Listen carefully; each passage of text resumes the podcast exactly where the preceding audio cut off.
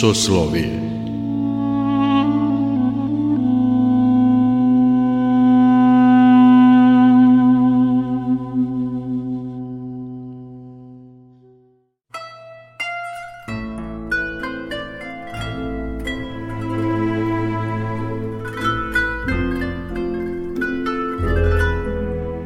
Slušate Soslovije, religijski nedeljnik Radio Novog Sada.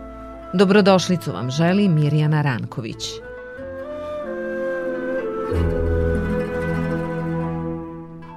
O svetu pčela kao savršenoj zajednici ljubavi, razuma i duha razgovaramo sa muzičkim pedagogom, urednikom časopisa Blagodarje i pčelarom Ivicom Kuzmanovićem. Zašto kažu ljudi da su pčele božanska bića?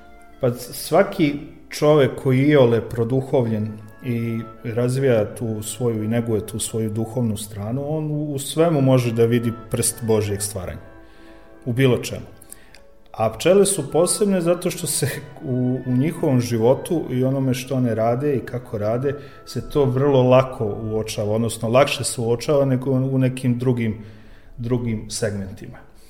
Ko iole i malo upozna zapravo život pčele, taj ne može da ostane ravnodušan, jer je njen život pun raznih čuda i neverovatnih stvari koje ni nauka koja se njome bavi dosta dugo već sad, neke stvari zna kako funkcionišu, ali ne razume zašto. I kako vreme prolazi, ta tajna postaje sve veće i veće i kako se otkrivaju razne stvari u vezi sa pčelom i sa njenim životom, tako se produbljuje jedan ogromni kontinent nerazumevanja toga. Zašto? Zato što, u, kako da kažem, u ovom našem svetu e, stvari su, postoje one koje su prirodne i one koje su nadprirodne. Dobar deo pčelinjeg života je takav da spada u tu nadprirodnu stranu. Vi imate, na primer, Ako uzmete, evo, na primjer, pojam ljubavi. Ljubav je jedna nadprirodna stvar, jer ona deljenjem se uvećava. Nje ima više. Kako je daješ, tako ima sve više. Što je nije po tim nekim euklidovskim merilima u, u ovakvom svetu e, nije uopšte razumljivo, nije racionalno. Obično nešto kad se daje, troši se i toga ima manje. A ljubav je sa svim suprotno toga. Tako isto pčele žive po tom principu. Jer ona, uzmemo na primer, rojenje, odnosno njeno razmnožavanje. Ona se razmnožava tako što se deli, odnosno tako što daje sve što je do tad stekla i imala i što je mukotrpnim radom za sebe pripremila. Dakle, pčele se razmnožavaju tako što na vrhuncu svog razvoja, dakle kad ima najviše svega i meda i polena kad je sve potaman i kad je sve dobro i najbolje, stara matica sa pčelama u nekom trenutku izleti i ode na granu u potpunu neizvesnost i krene sve od nule sa velikom verovatnoćom da neće uspeti i da će propasti. A sve što je stekla i što je napravila svojim radom i svojim sposobnostima ostavlja nekome drugom. Zašto je to nadprirodno? Ne, mi ljudi stvaramo nešto za svoju decu, jel? pa u nekom trenutku kad one dovoljno odrastu, mi im damo nešto i oni, recimo, ako imamo, i oni odu i krenu da stvaraju nešto svoje, stvaraju svoje kolonije, svoje porodice. Ali mi zadržavamo za sebe deo od koga ćemo da živimo, a što je važnije, zadržavamo svoje iskustvo i odnosno zadržavamo ono reputaciju koju smo stekli, veze koje smo stekli, odnose sa ljudima i tako dalje. I to e, zadržavamo za sebe, to nikome ne dajemo, to je ono što je naše, niti možemo da damo. A pčela radi još veću stvar, a to je da ona, kad ta matica izađe na tu granu, neku i zakači se sa tim pčelama, ona sve ono što je bila i sve ono što jeste, ona ostavlja za sobom. I kreće u novo dokazivanje, u potpuno novu situaciju. Dakle, ona ništa ne ponese sa sobom, osim ove pčele što koliko stave u sebe ovaj meda. Znači koliko mogu da ponesu meda, što je vrlo malo, e, to one ponesu i to je sve. I kreće se iz početka. To je jedna potpuno nerazumljiva stvar sa te evolucionističke strane i to evolucionizam ne može da objasni. Tu naravno postoje još mnoge, mnoge stvari. Koji god segment uzmete njenog života, vi ćete naći potpuno neke nerazumljive stvari sa te strane. Na primjer, uzmimo to kako funkcioniše njena odbrana. Jer pčela ne napada, ona se uvek brani. A zašto se brani? Vi imate, na primjer, druge insekte, imate ose, stršljenove bumbare. Svi oni, kad se brane ili napadaju, oni mogu da ubodu više puta.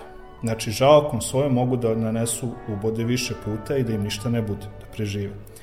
Pčela radilica to može da uradi samo jedno, jer ona kad ubode, na svoj žalac ona ima kao kukice, neki ima 10 komada tih kukica i ona jednostavno ne može da izvuče žalku, osim da je pokida i, e, i žalku i dobar deo svoje utrobe.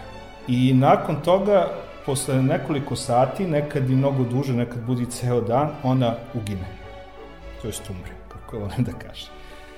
Dakle, ona ima samo jednu mogućnost da ubode i da se odbrani. Sve na korist te zajednice.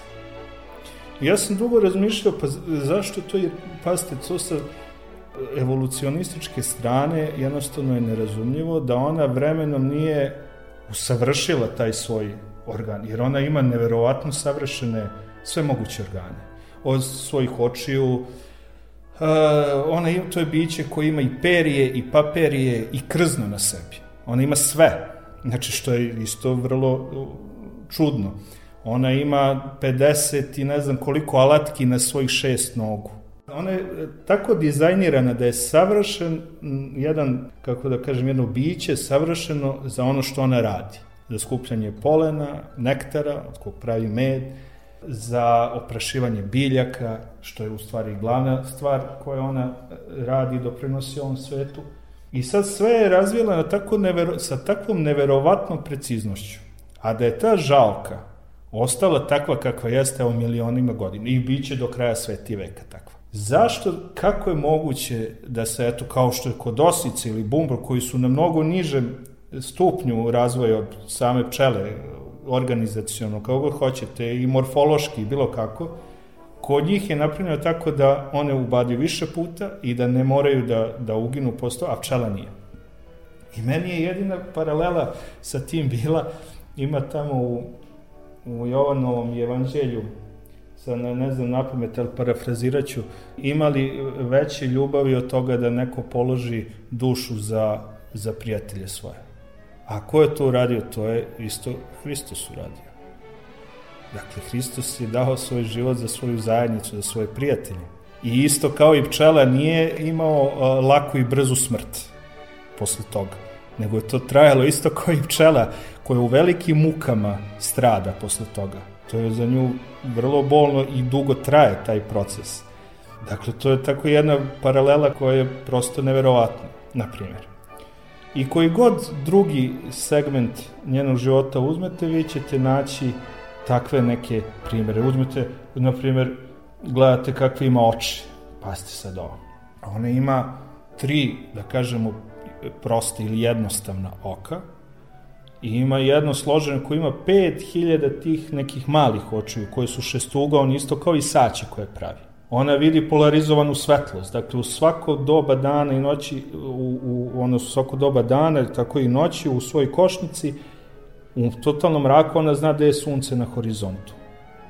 Jer vidi, vidi ultra ljubičasnu svetlost koju mi ne vidimo. Jer, pazite sad ovo, sunce je jedna velika UV lampa, da tako kažemo, i ona reflektuje to ultraljubičasno svetlo. A cveće je tako napravljeno i, i tako postoji da latice cveća reflektuju to ultraljubičasno svetlo baš u onom u tom rasponu u kom pčela najbolje može to svetlo da primeti, da registruje. Dakle, do takvih detalja to ide. Onda te njene, na primjer, složene oči, koje su, kojih ima oko 5000. Sad ima, radilici imaju oči nešto manje od trutova tih složenih oči, a matice ima još manje, što opet ima veze sa, sa načinom života i, i njenom funkcijom, ulogom u zajednici koju imaju. Na tim svojim očima oni imaju krzno. su dlakave oči, to vrlo dlakave. Dakle, imaju dlak... E sad, pazite ovo sad, kako su sad e, te oči napravljene sa takvom preciznošću da te dlake ne zaklanjaju njoj vid. Tako što, pošto su one šestugaone, dlačice su tačno u ćoškovima tih uglova i pod takvim uglom da njoj ne smeta, ne zaklanjaju dlake vid. A na svojim nogama ima češljeve kojima češlje te dlake. E sad, koja je funkcija tih dlaka? One tim dlakama mere brzinu vetra, koje što je vrlo važno da bi mogla da proračuna koliko joj treba do nekog izvora hrane i da bi mogla da zna koliko će da potroši, jer ona je, pored toga što je vrlo intuitivna, ona je vrlo racionalna. Dakle, ona nije samo biće koje, koje nešto se ponaša, koje nešto radi tako ne, nerazumevajući, nego ona vrlo dobro zna, ona, na primjer, e, neće da, kad ima, može da bira vrstu nektara, ona izabere ona koja je kvalitetnija da bira. Znači, neće da ide na cveće tek tako redom, nego ide na ono koje u tom trenutku daje više nektara ili bolje kvalitete. Dakle, ona to vrlo dobro razume. Nije ona bezumno, neracionalno biće koje se ponaša i radi nešto samo po nekom osjećaju, da kažemo, nego je izuzetno racionalna. Njena matematika koju ona sprovodi prilikom leta, prilikom skupljanja, prilikom odmeravanja, na primjer, to je isto interesantno, ona apropo njene racionalnosti. Pčele radilice imaju u zavisnosti od svoje starosti ili da kažemo od svog iskustva, imaju različite uloge u košnici. Sad postoje u jednom trenutku pčele izvidnice koje idu da nađu pogodno mesto u trenutku kad dođe do rojanja gde će taj roj da se naseli. E sad, kako oni to biraju? Ona ode i sad kad nađe neku šupljinu, ona tačno zna kolika je šupljina treba. E, treba da bude, idealno je oko 30 litara da bude. E sad, kako ona zna kad uđe u, tu ne, neki, u taj neki prostor, kako ona zna koliko sad to ima, koliko je to veliko, kako ona to proračuna. Tako što ide prvo tamo gde je otvor, ona pešači i korakom meri, meri rastojanje. Pa meri uzduž, meri popreko. Pa pazite sad ovo, to ne uradi jedno, nego ode odatle. Pa dolazi 15-20 puta, nekad se vraća tu, zašto? Da, I u radičito doba dana dođe, u radičito doba, dakle da vidi kako izgleda kad sunce tu bije ujutru, kako kad zalazi uveče, da vidi da li nema, da li ne je tu još neko ne stanuje, neki, neko drugo biće, da vidi, proverava više puta, meri više puta. I ona svaki put kad ode, dakle ona zapamti to gde je bila i pa dođe opet da proveri da prikupi nove podatke. I tek kad se utvrdi u tome što je videla izmerila, ona ode, pa u, nekom, u tom trenutku kad dođe do rojanja, ona saopšti tom nekom, kako je Meternik pisao, duhu košnice, jer mi ne znamo tu nije matica da onda odlučuje sad da ćemo mi da se rojimo, nema neke pčele koje je sad glavna koja to odluči. Mi ne zna, ne, ne zna se ko to odluči, to, to se zove duh košnice, niko drugi. I sad u tom trenutku kad ono saopšti A pazi, ima, ima više tih izvidnica, pa onda jedna ode tamo, druga vamo i sad one sve kad, sa tim podacima kao da dođu i iznesu svima i sad duh košnice odluči da će da odu. Od toga zavisi da li će taj roj da preživi. Šta zapravo nam to govori? Ona tačno unapred, e sad, ovo je isto jako bitno. Postoje važne stvari u tom postupku i one manje važne. Ona, na primer, kad prikuplja te podatke, ne gleda da li tu ima nekih procepa, proreda, ne gleda koliko je vlažno to mesto, ne gleda ništa joj nije bitno od onog što ona sama može posle da sredi. Jer ona ne može da promeni veličinu tog prostora. Niti to kako sunce tu izbija izlazi, nego može da promeni ukoliko ima pukotina, ona zna da to može da zatvori. Ukoliko je vlažno, ona će to da isuši. Ukoliko prokišnjava, opet će zatvori. Dakle, ona tačno zna svoje mogućnosti. Drugačije ne bi mogla da preživi. I ima tačno šta su i prioriteti u tom odlučivanju. Dakle, vrlo racionalno biće. Ovaj francuski jedan filozof, Henri Bergson, on je dosta pisao o tome, o tom odnosu između inteligencije i kako je on to nazivao intuicije, ili mi kažemo duha. I da je zapravo treba dovesti u ravnotežu te dve stvari. I mi to znamo, na primjer, Znamo puno primjera ljudi koji su više duhovi nego što su e, racionalni u tom smislu što kao da je hodajući duh. To naročito važi za mnoge monahe i tako dalje. I sa druge strane znamo za ljude koji su vrlo racionalni, koji ništa, kao, kao da nemaju duha uopšte u sebi. Pčela je, mislim, biće koje je u takvu ravnotežu dovela te dve strane, dakle tu svoju intuiciju, inteligenciju, duhovnost i racionalnost, ako ćemo tako da kažem, da je to prosto neverovatno. I zato pčela preživljava milione godina i zato živi tako kako živi i živeće. Sad je velika ta priča, mi sad živimo u to vreme kad je od ekologije zaštite planete napravljena jedna ideologija, gde ćemo mi sad da spasimo planet, spasimo pčele, spa... nemojmo ljudi spašavamo pčele. Daj mi sebe da spasimo. Pčele će da prežive sve naše gluposti i svu našu destrukciju. To je jedna velika gordost nas ljudi da mi mislimo da ćemo mi planetu, da, koliko god da ima atomskih glava na ovoj planeti i nek ima tri puta više, mi planetu sa, iz svog ležišta ne može da maknemo, makar sve eksplodirale one. Mi ćemo samo sebe da uništimo. A planeta će za 100, 200, 300 hiljada godina, koliko god, ponovo da oživi i ponovo da počne da radi, jer njena je, ona je napravljena u rukama živoga Boga. I ne može, čovek je toliko mali i nikakav da može samo sebe da uništava. Mi trovanjem pčela, uništavanjem prirode, trovanjem Božije te kreacije koja je napravljena, samo sebe uništava, ne prirodu. Priroda, ona je takva zato što je tako napravljena da ona jednostavno, mi nju ne možemo da uništimo. Ne možemo. To ne znači da treba da se ponašamo bahato, naravno, prema njoj da budemo, to je već nešto u vezi sa, sa našim estetskim i etičkim potrebama i osjećanjima koje razvijamo u sebi. To je jedna druga priča.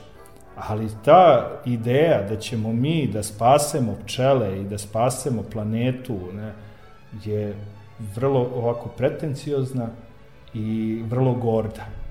Dakle, pustimo, samo ih pustimo, neko ne žive. I to će biti dobro. Nemoj da ih spašavamo. To, to mislim da je to, da je to vrlo važno.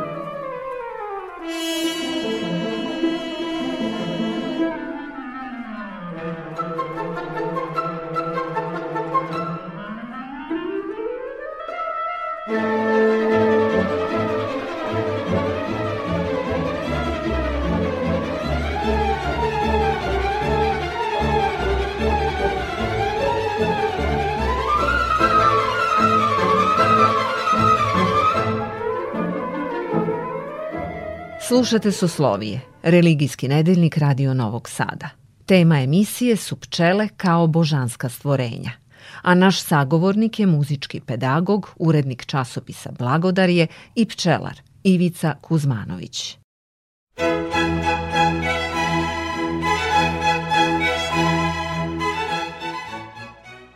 Neki starci poznati, e, monasi, u svojim propovedima govorili su o tome da onog momenta kada nestane pčela i ako nestane pčela, da će sasvim sigurno tog momenta nestati i ljudi na planeti Zemlji.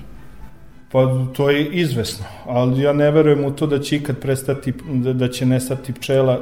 Prvo, e, pčele, mi, kad, ja sad kad sam ovo govorio, mislio sam na tu jednu vrstu medonosnih pčela, a postoji na hiljade i na hiljade vrste divljih pčela to je tolika populacija da jedino ako uništimo celu prirodu, uništit ćemo i pčele. Mi njih ne možemo da uništimo. Ma kakvi zlotvori da smo i ma kakvi trovači da smo. Jednostavno ne možemo. Nemamo mi te moći. Ali, e, ako gledamo na taj način i postavimo tako stvari, naravno da bez njih ne možemo da živimo, jer pčele, njihova glavna funkcija je oprašivanje. Procenat hrane i plodnost biljaka bi se drastično smanjila bez njih. Naprimjer, u Kineza ima puno, pa oni su problem manjka pčela rešavaju tako što ručno oprašuju biljke. Međutim, nikad ne mogu sa tom preciznošću i tom tim procentom da to urade kao što to rade pčele. Ima više nivoa te priče. Vidite, pčele, one su sa te strane, one su isto žive u, u nekoj vrsti trojstva. Tim imamo Boga koji je trojičan, Otac, Sin, Sveti Duh, a on je jedan, ali je trojica. Pčele, postoje matice, trutovi, pčele radilice, koje su takođe jedne, jedno, jedan organizam, ali su različite i svako ima svoje svoju snagu i značenje. Bio je Rudolf Steiner, koga ja, čiju antropozofiju, ja ne volim lično, i to je jedan tako bućkuriš svega i svačega, kao što su uopšte te teozovske knjige i, i ti spisi, tu je pomešano su i razne babe, žabe i tako dalje, ali on je imao neverovatnu tu sposobnost da primećuje te neke stvari što se pčela tiče i pisao je dosta, e, zapravo govorio o pčelama tim svojim predavanjima. I on je tu vrlo lepo primetio te neke stvari koje su u vezi sa razvojem pčele, a koje imaju tog nekog, nekog dubljeg smisla. Naprimer, vidite, matica, a njoj treba najmanje da izađe iz legla. A gledano po svojoj funkciji ona je najvažnija i najsloženija. Ona živi recimo i do 5 godina, može da živi za razliku od, obične, od pčele radilice koja živi u sezoni 35-40 dana, zavisi. Ili ove zimske pčele koje kad ne rade ne troše se pa žive 6 meseci, na primjer. Ili 5. Trutovi žive još manje, zato što ih u jednom trenutku pčele izbaci iz košnice, prestanu da im daju hranu.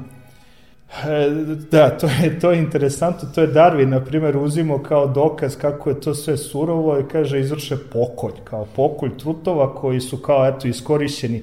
Međutim, to je tako jedno usko gledanje, svakog proleća ti trutovi opet vaskrsnu. A da ne umru, ne bi mogli ni da vaskrsnu i društvo ne bi preživelo. Dakle, oni svake jeseni, odnosno krajem leta, se stavljaju na žrtvu zajednice i opet se rode, i opet se rađaju. I, i to je posebna jedna priča sa trutovima. A kako se rode, kako ne razumem? Pa, a, mislim, krenuo sam sad na drugu stranu da nešto drugo ispričam, ali ajde, ako ne zaboravim, vratit ću se. Što se tiče samih trutova, oni se rađaju iz neoplođenih jaja. Dakle, oni koji treba da oplode se rađaju iz neoplođenih matičnih jaja, a pčele radilice su se rađaju iz oplođenih jaja. Dakle, matica, ona leže oplođena i neoplođena jaja. Od oplođenih jaja, u njoj koje su, nastaju pčele radilice ili matice, u zavisnosti od toga kojom hranom, kakvom hranom, pčele hrane tu jedno, to jedno jaje. Ako hrane matičnom leču, za 16 dana izađe matica, koliko hrane običnom leću, za 21 dan izađe pčela radilica. A trut iz neoplođenog jaja izađe za 24 dana. Dakle, najduže mu treba. On je najveći, a ima najmanje funkcija u stvari, A njegova jedina, mislim nije jedina, dugo su ljudi mislili pa Trut je sad na lošem glasu kao on ništa ne radi tako, međutim to nije tačno, pa se vidio on, on i tekako ima razne funkcije dok je u košnici, tako i vrši ventilaciju i legle i tako, da ne idemo sad u detalje, ali ovaj, mislilo se da je samo njegov zadatak da oplodi maticu. Kad oplodi maticu, on ugine posle toga. Znači, on juri ka tome i čezne za tim da bude jedan od onih koji će preneti svoj genetski materijal toj matici kad je stigne u letu tamo ka suncu negde gore. Interesantno, uvek na istim mestima i dan danas e, naučnici ne znaju kako one biraju ta mesta gde se, gde se vrše oplodnje. Dakle, to su ta, tačno se mogu da se lociraju i uvek svake godine pčele koje nisu živele prošle godine odu opet na to isto mesto. Kao da prenesu e, te informacije genima ili nekako svojim budućim pokoljenjima, jer one e, nisu žive da to pokažu, nego ona jednostavno to zna. I sad on, ovaj, da se vratimo na truta, on o, kad oplodi maticu, on, pošto mu ona otkine polni organ, u tom jednom činu, on, pa se do ovo, momentalno pada mrtav. Za razliku od pčele radilice koje kad ubode, to traje i ta patnja traje. Ona njemu je ta smrt trenutna i bezbolna. I on u tom jednom zanosu, on čak padne na leđe, on je tako konstruisan da se on onesvesti u tom činu, bukvalno se onesvesti i više ne zna ništa. On pomogne drugim trutovima, ostavljajući trag za sobom, da lakše tu maticu stignu i da je lociraju i da je nađu. Dakle, on uh, učestvuje zajedno sa drugima, dakle, nema, to evolucionistički gleda, to je totalno nelogično, jer ako gledamo ta jedna jedinka, ona želi da svoj genetski materijal prenese i to je kraj, ne želi da niko drugi više to. Ne, oni pomažu jedni drugima. Oni su svi u službi, u služenju, ne, ne samo i matici, matica ona od toga ne, nema, nema bukvalno ništa, ona i ona služi toj zajednici, on je zavisi od tog čina, zavisi opstanak zajednice. I ona je u službi zajednice. I sad, u jednom društvu, što više ima individualizma, odnosno, kažemo, individualnog uživanja jedne jedinke koja sebe zadovoljava i svoje prohteve, to, ta zajednica, to društvo stagnira, odnosno propada. I obrnuto što imate pojedince koji su više u službi zajednice, oni moraju da suzbijaju svoje potrebe, na taj način razvija se sama zajednica društvo i ono napreduje. Mi sad živimo, trenutno smo u tom nekom padu gde smo svi vrlo individualistički nastrojeni, gde svi use, nase, podase, a onda se pitamo što nam država propada, što nam propada civilizacija cela, civilizacija propada. Zato što se neguje zapravo to da u se nasi poda se moja filozofija, gledaj ti sebe i pazi ti na se i vidi ti kako ćeš ovo da zaradiš, da, bez da pitaš šta ja tu mogu, kako ja da služim, kako da dam. A to je ono što nam crkva, odnosno liturgija i liturgijski život, crkveni život je zapravo zajednica. I Hristos nije došao sam, pa je ispripovedao i rekao, aj sad ja sam tu sam. On je napravio zajednicu, on je život za tu svoju zajednicu dao. On je dao za sve ljude, naravno, sa ciljem da svi ljudi budu zajednice jedna koja će pod njegovu kapu da stan, da uđu u crkvu. I to je sad onaj protestantski, onaj deo kaže, ja meni da ovo na kruška ispod kruške da se pomolim, ja imam sa Bogom direktnu vezu, direktnu liniju i meni ne treba mi crkva, ne treba mi zajednica, nego ću ja sam, da se nećeš, da se spasaš sam, ko što ni ona pčela koja je tri puta, pa kak je tri puta, hiljadu puta sposobnija od tebe. Ona je, ne, ona je tako konstruisana da ona apsolutno sama može. Njoj treba tako malo meda hrane da ona ima tolike alatke, sposobnosti koje mi nemamo. Ona vidi 10 puta brže od nas. Mi vidimo 24 kadra, valjda, a ona bi trebalo, ona vidi 240 kadra da bi videla kao mi. Toko 10 puta brže od nas vidi. Ona ima senzore za magnetno polje, za polarizovanu svetlost meri brzinu vetra, meri brzinu sebe, meri toliko toga za njene antene, te dve, dve antene koje ima, koje izgledaju ovako vrlo jednostavno, onda se vidi da ona na antenu ima sedam različitih senzora kojima meri razne stvari. Ona je jedno neverovatno iskonstruisano stvorenje biće koje apsolutno može samo da živi. Ali ona živi u zajednici, ona bez zajednice umire. Ona ne postoji. I to ne male zajednice. Dakle, pčele da bi preživele, one ne mogu da prežive 10 pčela. Ne mogu da prežive ni 100 pčela. Da bi prezimela i da bi uopšte preživela, one moraju da ima nekoliko hiljada. Ona preživljava kao jedan organizam, preživljava bukvalno kao crkva.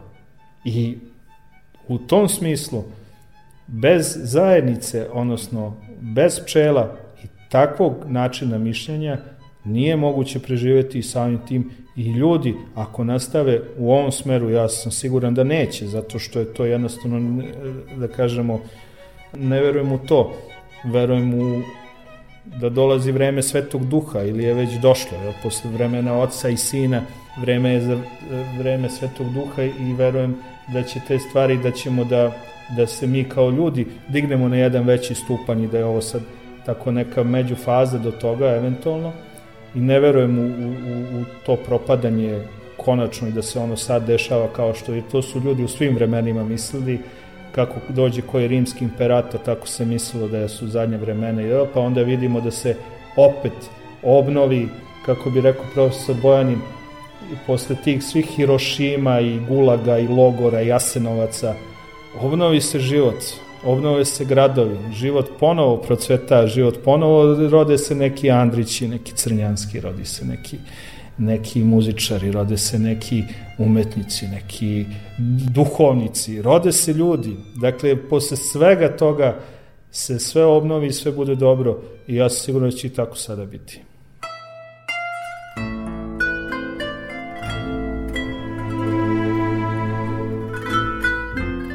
O svetu pčela kao savršenoj zajednici ljubavi, razuma i duha – Razgovarali smo sa muzičkim pedagogom, urednikom časopisa Blagodarje i pčelarom Ivicom Kuzmanovićem. Soslovije realizovali tonmajstor Jovan Gajić, urednik i autor Mirjana Ranković. Radio Novi Sad